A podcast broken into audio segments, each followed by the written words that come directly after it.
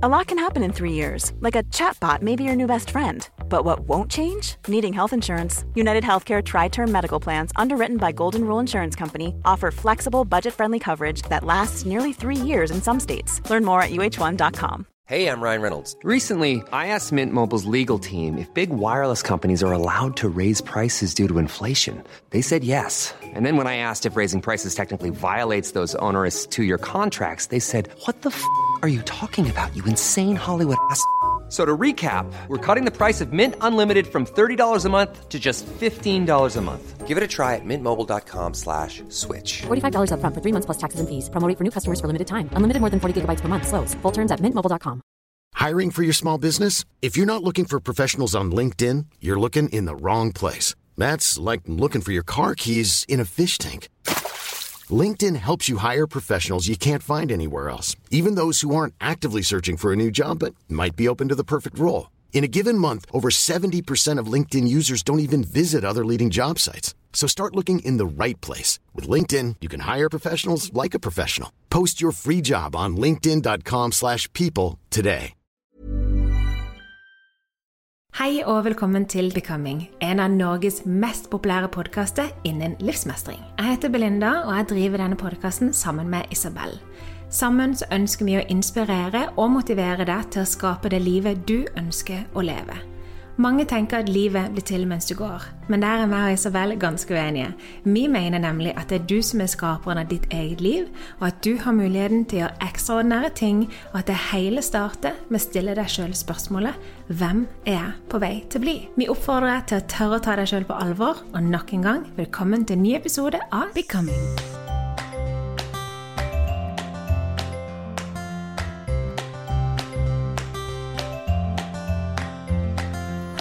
Hei og velkommen til månedens bok med Becoming. I denne episoden skal vi snakke om boka 'Tenk som en munk' av Jay Shetty.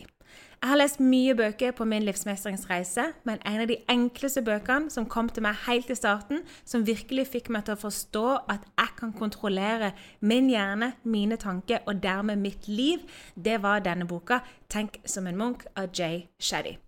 Denne boka er altså skrevet av Jay Shetty, som da er en tidligere munk. Og han er en fantastisk fyr. Nå i dag så driver han podkasten On Purpose. Han er en eh, coach for alt som kan krype og gå av kjendiser, føler jeg. Og du, akkurat nå så føler jeg vi ser Jay Shaddy overalt. Men da han skrev denne boka, så var han relativt fersk. Han hadde da um, praktisert som munk i mange år, så har han tatt verktøyene han lærte som munk, inn i denne boka for å lære oss eh, og rett og slett få litt mer kontroll. Da jeg leste denne boka, så var jeg et stadie hvor jeg lot følelsene mine få lov til å bestemme hvordan jeg følte det den dagen. Jeg lot tankene mine ta meg der tankene ville gå, og jeg hadde veldig lite kontroll over eget sinn. Denne boka hjalp meg til å finne både hva min mening med livet er, faktisk. Han hjalp meg til å overkomme negativitet. Han hjalp meg til å stoppe overtenkning. Han viste meg hvorfor dette med sammenligning er noe av det verste man kan gjøre. Han viste meg hvordan jeg skal bruke frykt, og hvordan du faktisk ikke kan finne lykke bare ved å lete etter det. Og han lærte meg at jeg er ikke mine tanker. Denne boka er virkelig helt fantastisk, og i denne episoden så skal vi da gå inn i denne boka. Vi skal dele våre tanker om denne boka. Vi skal dele spesifikke ting som står i boka. Og forhåpentligvis så skal vi hjelpe deg til å lese denne boka, sånn at det kan være Ja, noen ganger når man kjøper en ny bok, så kan det være litt vanskelig å vite hva skal jeg lete etter, hva skal jeg lete etter, hva er det denne boka skal gi meg? Men etter å ha hørt denne episoden, så kan det kanskje være litt lettere å sitte klar med markørtusjen og gå gjennom denne deilige boka. Alright. Isabel, hva syns du om 'Tenkt som en munk av Mr. J. Shetty, eller Shettern, som jeg kaller han. Jason. Det er så gøy, fordi jeg har hatt massiv motstand på den boken her. Og eneste grunnen til at jeg valgte å ta den opp og begynne å lese, var av deg. Du snakket så varmt og lidenskapelig om Tenk som en munk, og hvordan han har endret livet ditt, at jeg var litt sånn Altså, har den gjort mirakler på Belinda, så burde jeg sjekke den ut. For jeg følte på det tidspunktet hvor den kom inn i mitt liv, at jeg hadde forbigått den litt. Det er en utrolig fin nybegynnerbok, og det mener jeg. Fantastisk nybegynnerbok. Um, og jeg visste ikke helt hva boken skulle gi meg. Uh, og det var det måte, også som var måte, litt av mine eh, reiser med. Det var sånn ok, jeg tror ikke Jay Sherry har noe å gi meg. Eh, viste at jeg hadde feil, og Jay hadde rett. Han hadde noe å gi meg. jeg måtte bare åpne meg opp for det. Men det er et par ting som boken virkelig, virkelig har skilt seg ut med. Og det første er ironisk nok det han åpner boken med. Og det er sitatet fra sosiolog, sosiolog eh, Charles Horton, tror jeg han heter, som heter at 'Jeg er ikke den jeg tror jeg er. Jeg er ikke den du tror jeg er.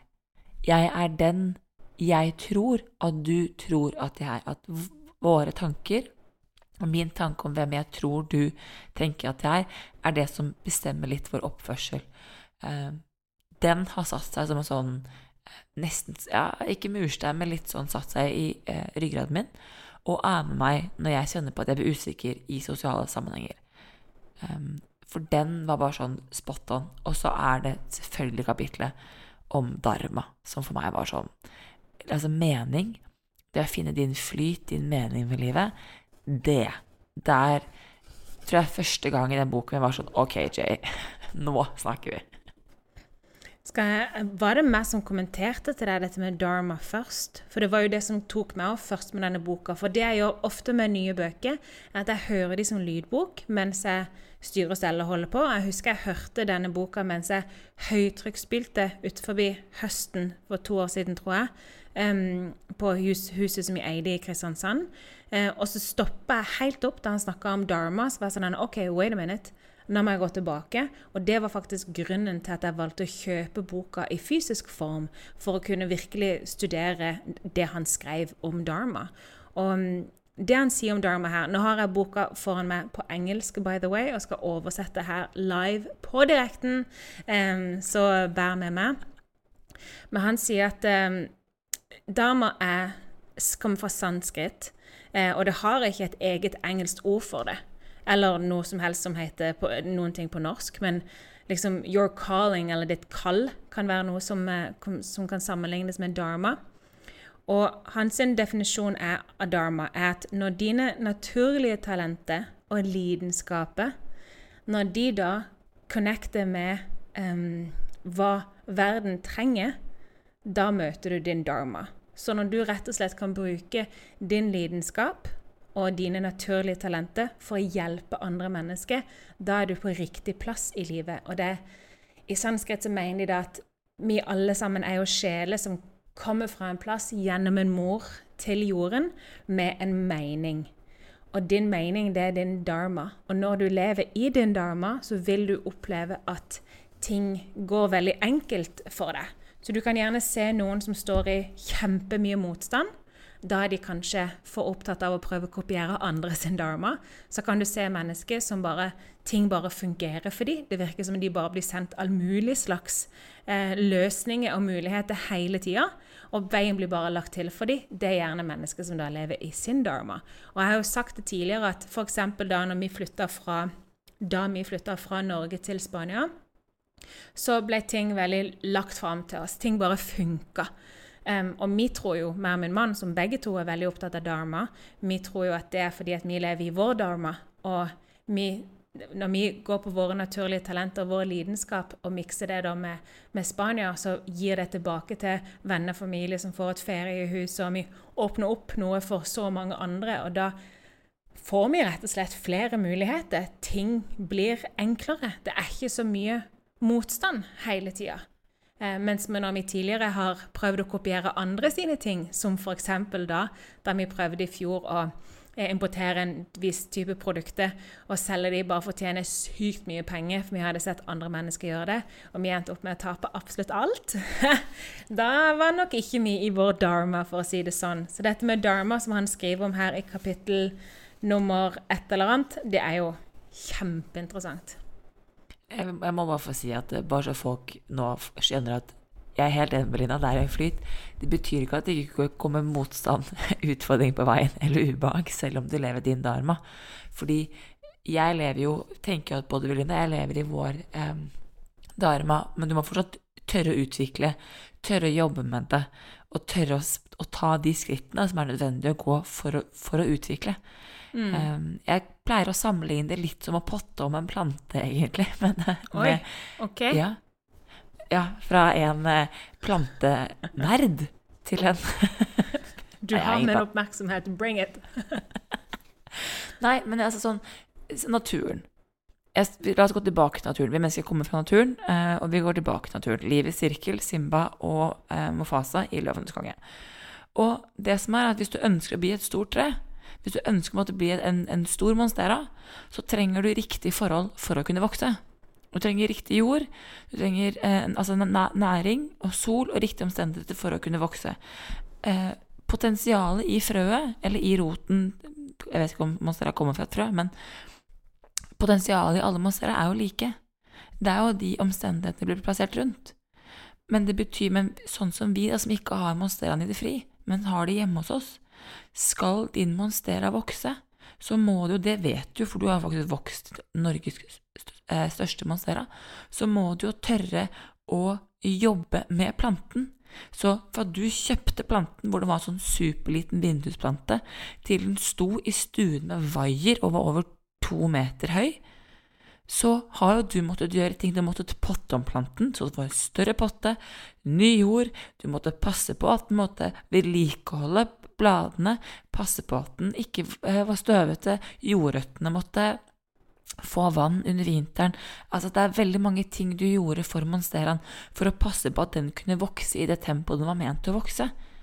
Jeg ser på det litt det samme måte som dharma, er at du kan finne din mening, og du kan begynne å skape veien i ditt liv. Det betyr ikke at ikke du må gjøre ting underveis for å kunne klare å vokse, slik at du kan bli den personen du vil bli. For helt ærlig, Brinda, jeg med en dharma, altså jeg kan sitte hjemme, jeg, og snakke med deg om livsmestring. og jeg kan fortsatt da være i min dharma og gjøre min mening. Men det jo, jo, mer, jo mer jeg tør å komme ut, jo mer jeg tør å prate i pod, jo mer jeg tør å gjøre meg synlig på sosiale medier, jo flere mennesker kan jeg hjelpe, jo flere mennesker kan jeg nå. Det skapes jo fra meg fordi jeg tør å ta ansvar for egen mening. Og det er jo noe av det hvor Jay Sherry for meg ble sånn litt sånn wake-up call. Ok, Isabel, du har en mening, du har funnet din sti, nå må du tørre å gå den.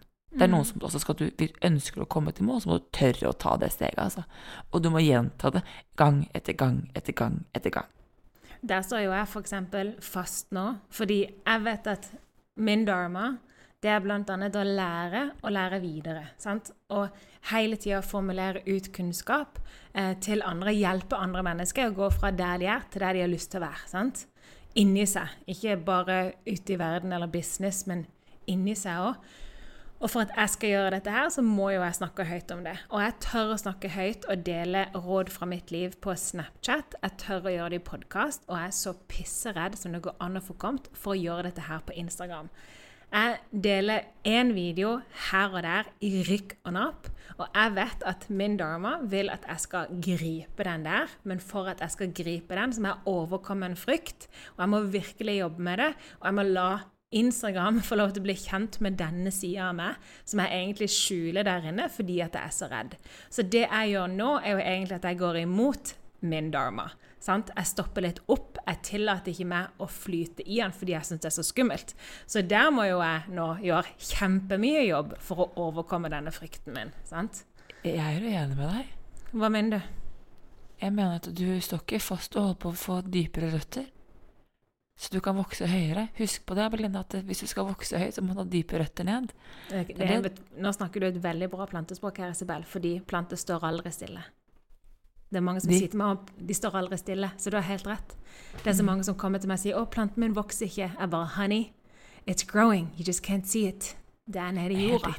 OK, takk. Så da Ja. Thank så det, you. så det, det, det er det her jeg mener med at dharma Ja, fordi når folk hører Og jeg snakker av erfaring, for jeg tenkte i mitt fantastiske, magiske sinn at um, jeg har alltid vært på løsning Eller på leting etter en quick fix-løsning veldig lenge. Det er sånn Helt ærlig, hånden på hjertet, det er det er først nå, i sånn typ siste månedene, hvor jeg har akseptert at den quick fix-løsningen jeg ser etter, fins ikke. Så eh, jeg har skjønt at når folk jeg leser om Dharma, og jeg leser om disse tingene som tok meg, var sånn Ok, det her vil jeg. Så er det ok, det fins en flyt, du må tørre å ri med, og du må tørre å gå den veien du skal gå. Det betyr du må tørre å lese de bøkene du har behov for å lese. Lære den kunnskapen du har behov. Hvis du møter et platå, så er ikke det platået det er feil. Da henter du bare informasjon, krefter og næring andre steder fra. Sånn at du fortsatt kan vokse, fordi det fins ikke inn hvis du igjen går ren naturmessig sett. Og det er jo sanskrit, og munker lever veldig ett med naturen. Eh, og det er her, hvis du går tilbake til boken, som jeg elsker med Jay For der, han, eh, det som treffer meg også i boken, er hans personlige historier. Jeg elsker når folk deler personlige historier, og jeg kan kjenne meg igjen i utfordringer. For Jay har flere eksempler hvor han er sånn Jeg kunne ikke meditere fordi at det var bråk. Mm. jeg kan ikke. Jeg kunne ikke meditere eller gå og dusje fordi det var sånn to, var to fem kilometer til dusjen. Da ville det ikke være poeng å dusje. Så han har flere eksempler hvor han viser sin oppriktige motstand. Og der er jeg sånn Der treffer han meg. For det er sånn Det er også tenkt, jeg kan kun meditere hvis jeg er på en øde øy, helt fredfullt, ingen vind. da kan jeg meditere. Og det er ikke livet, folkens. Livet handler jo om å kunne klare å bruke disse verktøyene i hverdagen. Og da vil du også møte disse utfordringene hvor du må jobbe deg gjennom ubehag for å komme dit du vil. Tenker jeg da, i hvert fall. Jeg hører absolutt hva du sier. Dette her er klassisk Belinda møter Isabel. Belinda er en sånn entreprenør og businesskvinne og tenker Kom an, Nå må du få røde gir her og skape noe. Mens Isabel sier 'gå inn i deg sjøl'. Sitt i det, kjenn på det, føl på det. Så ja, jeg tror nok at hvis vi tar 50 av deg, 50% av meg, så tror jeg kanskje vi er på en skikkelig god løsning. Så jeg må få ræva litt i gir og tørre å satse litt mer, samtidig som jeg må tørre å, å kjenne på og føle på det. Og der er jo du og jeg. Det er derfor jeg tror du og jeg funker så godt som venner. Fordi mm. er det én ting du virkelig ga meg, var jo å spark i ræva. Det er ja. sånn Ja, jeg sparka deg i ræva, og du stoppa meg opp og var litt sånn nærme. Hør nå her! Nå ja, må du, du tørre ja, å gå var, inn i det. Du, ja. du holder på å spinne. Det er liksom mm. hvis, du, hvis, du, sykler på en sykkel uten med flettgir, så bare spinner bena. Så, der hvor, der, så det er liksom, se for deg at du har en sånn 5% Belinda, 5% Isabel, i en miks, folkens. Der har du det. Men, mm. Men entreprenøren i meg den, det er jo den, Nå skal vi ikke snakke om dette her i denne episoden, men det er jo entreprenøren i meg som er ofte det er min største selvkritiker. sant? Mm. Så, for jeg har skapt bedrifter nå i flere år og vil at ting skal gå veldig fort. Og takler ikke å stoppe opp. Og liker veldig godt når jeg er det svake leddet i bedriften. Sant? Og fordi om jeg føler at jeg er i min dharma nå, så krever det så mye av meg at jeg er nå per i dag det svake leddet i min bedrift. Og det er veldig utfordrende. Men det er viktig, man må se seg selv i speilet noen ganger. Husker du, vi har snakka om det, Isabel. Og der legger Jay Shetty frem syv forskjellige typer negative mennesker. Jeg kjente meg så truffen, eh, og plutselig kunne jeg kartlegge så mange av de rundt meg, og det ga veldig mye mening. Men noe som virkelig slo meg Jeg husker første gang jeg hørte dette her på lydbok, så sto jeg faktisk på mølla på Sats og hørte at Jay Shaddy sa at du vet hvordan det er å være omringet av negative mennesker. De som alltid skal klage, de som alltid skal bitche. De som du vet at du er bare én på telefonlista, de har klagd om dette hundre ganger. De er ikke interessert i en løsning og bla, bla. Og jeg kjente bare ja, disse menneskene har jeg i livet mitt. Oh my god, mest irriterende. Så sier Jay han bare nå, Når du har vært rundt et sånt menneske, hva gjør du da? det er ganske naturlig å gå til de beste venninnene eller gå til din partner eller ektefelle og fortelle om dette forferdelig ubehagelige eh, møtet du har hatt med denne forferdelige, eh, ubehagelige personen du har i livet ditt som er så negativ. Og jeg tenkte bare ja, herregud, jeg går jo alltid til min mann og bare Oh my God, gjett hva hun sa i dag. sant? Så sier Jay da, han bare Da er du helt lik som dette negative mennesket. Og jeg var helt sånn Wait, what? Jeg stoppa, hoppa av mølla, tok den der spol tilbake 15 sekunder-knappen sant? i, i whatever lydbok-app jeg hørte på. Og bare Hva sa du nå? Er jeg den samme personen? Er jeg like ille som de? Er jeg like negativ? Så gikk det opp for meg at jeg har brukt så mye tid på å klage til mannen min over negative mennesker jeg har i livet mitt, at jeg er jo min manns et negativt menneske i livet. Helt utrolig. Så sånne speil holdt Jay Shady opp for meg så mange ganger. Og der lærte jeg bl.a. å da slutte å dele videre. Så nå går ikke jeg til min mann. Selvfølgelig er det noe som har skjedd som har plaga meg. Men når et menneske på rutine ringer meg for å klage, som det mennesket har gjort nå i 100 år, så går ikke jeg til han for å fortelle igjen at 'nå har jeg gjort det igjen', nå har jeg gjort det igjen. Det er den samme regler hele tida. Du vet den dagligdagse klaginga man bare gjør, som det ikke kommer noen ting ut av. Det er ikke for å fikse et problem. For det er der, det har vi snakka om klaging i tidligere episode. To måter å gjøre det på. Enten for å fikse et problem, 'hei, kan du hjelpe meg med noe?' Eller så er det bare for å øse dritten over på noen andre. Å øse dritt over på noen andre, det gjør vi ikke. Mye bedre som så. Hva? Yes. You agree? Kan jeg, eh, skal jeg prøve å oversette disse syv forskjellige typer negative mennesker? Do it. Ok. Den første er jo da den som jeg nå har beskrevet. De kalles for klagere. Det er de som da eh, mener at livet er et problem som ikke de er interessert i å løse. Her handler det om å klage uten å finne løsning. Eh, jeg tror faktisk på norsk at den heter Syterne. Å ja.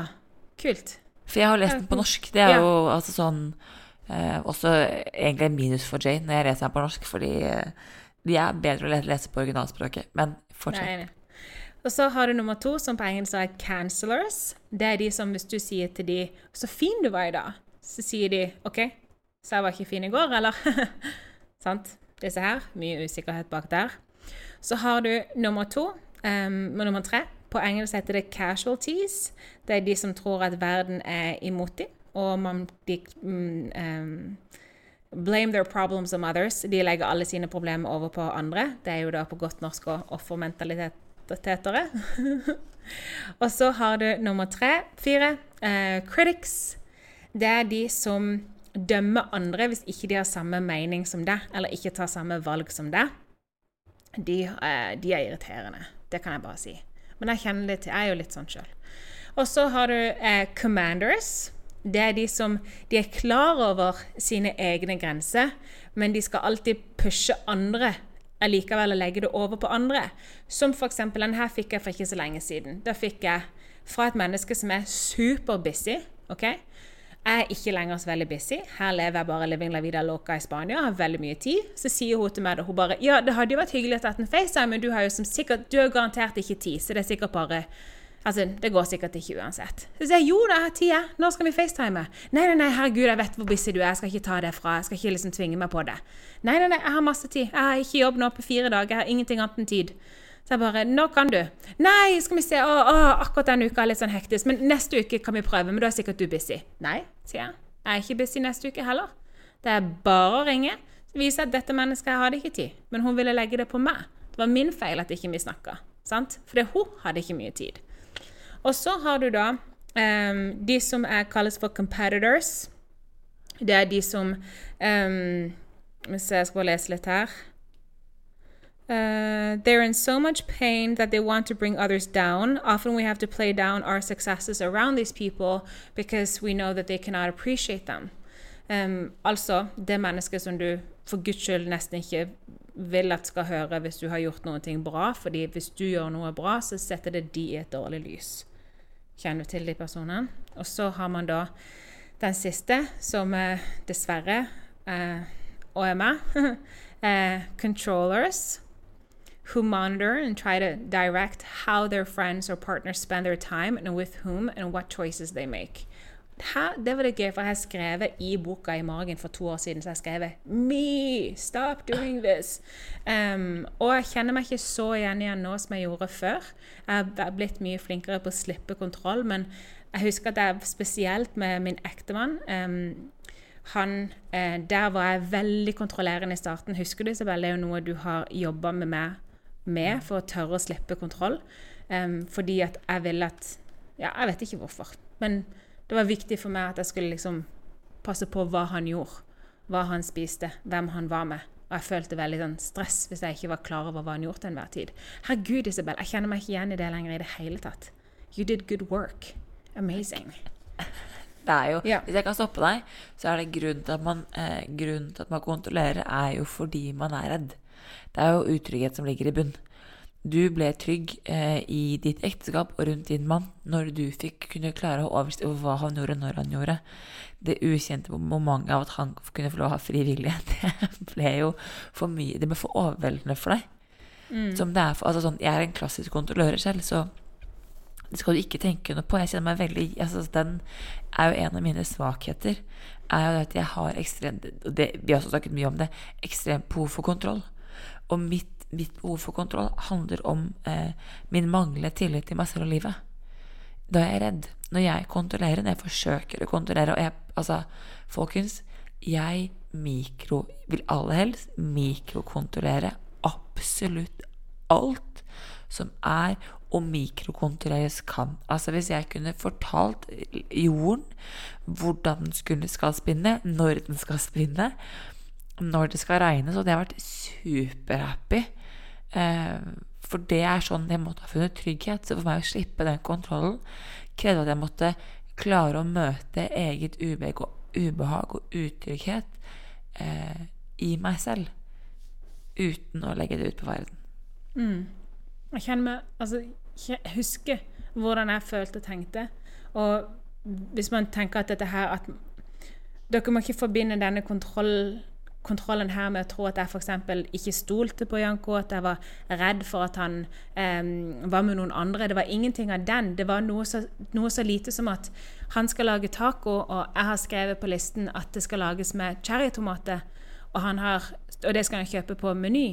Men så kommer han hjem, og så har han vært på Kiwi, og så har han kjøpt store tomater istedenfor. Så er Men, men, skal men jeg sa jo Meny. Jeg sa cherrytomater.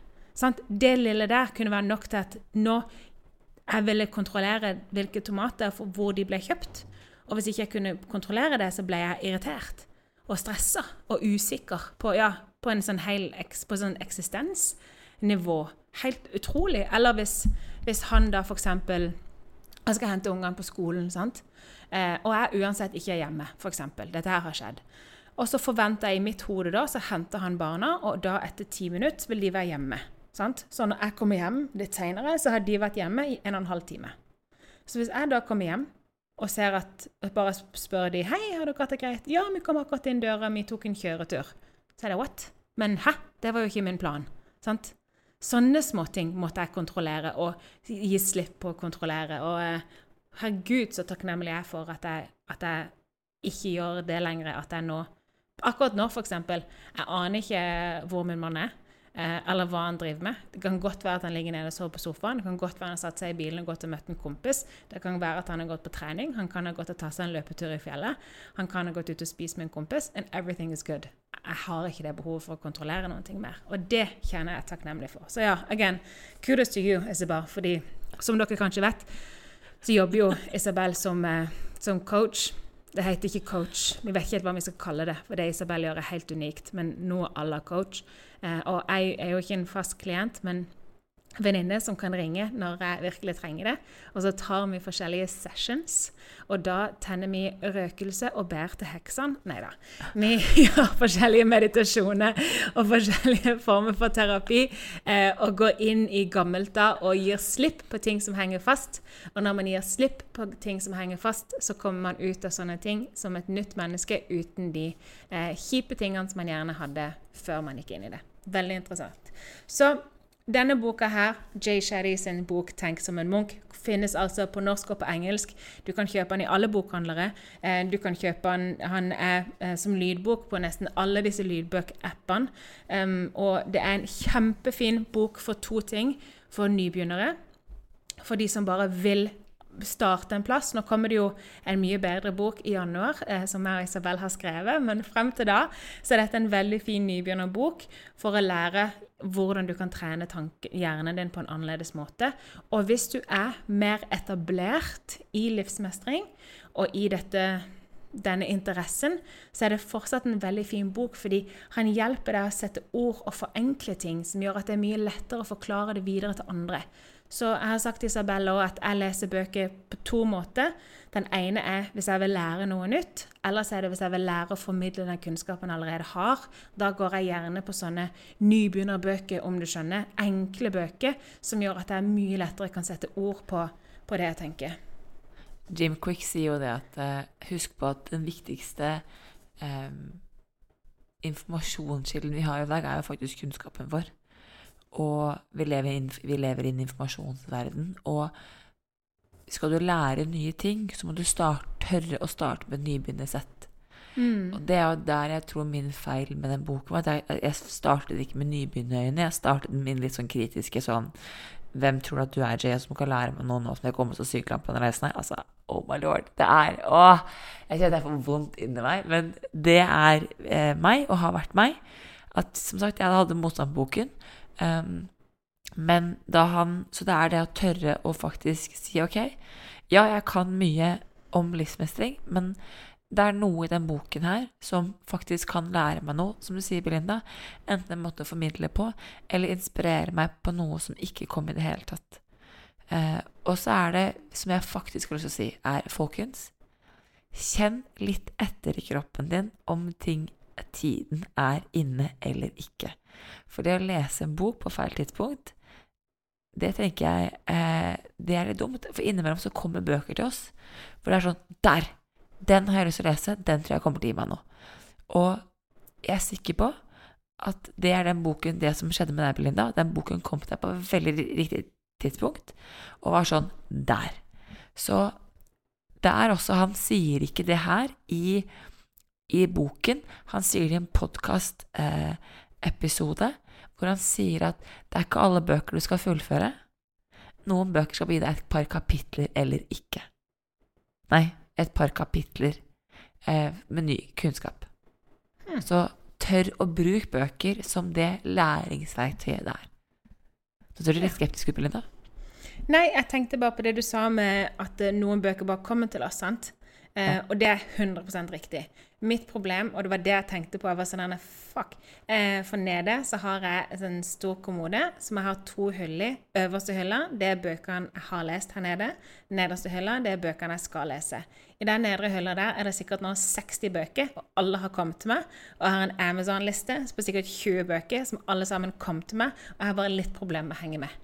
Så eh, Men I feel you so. Når en bok gjentatte ganger Og det var det som skjedde med denne her, og gjentatte ganger så kom han. Og denne boken, 'Think som en Monk' eh, Think som en monk. Tenk som en Tenk som en munk.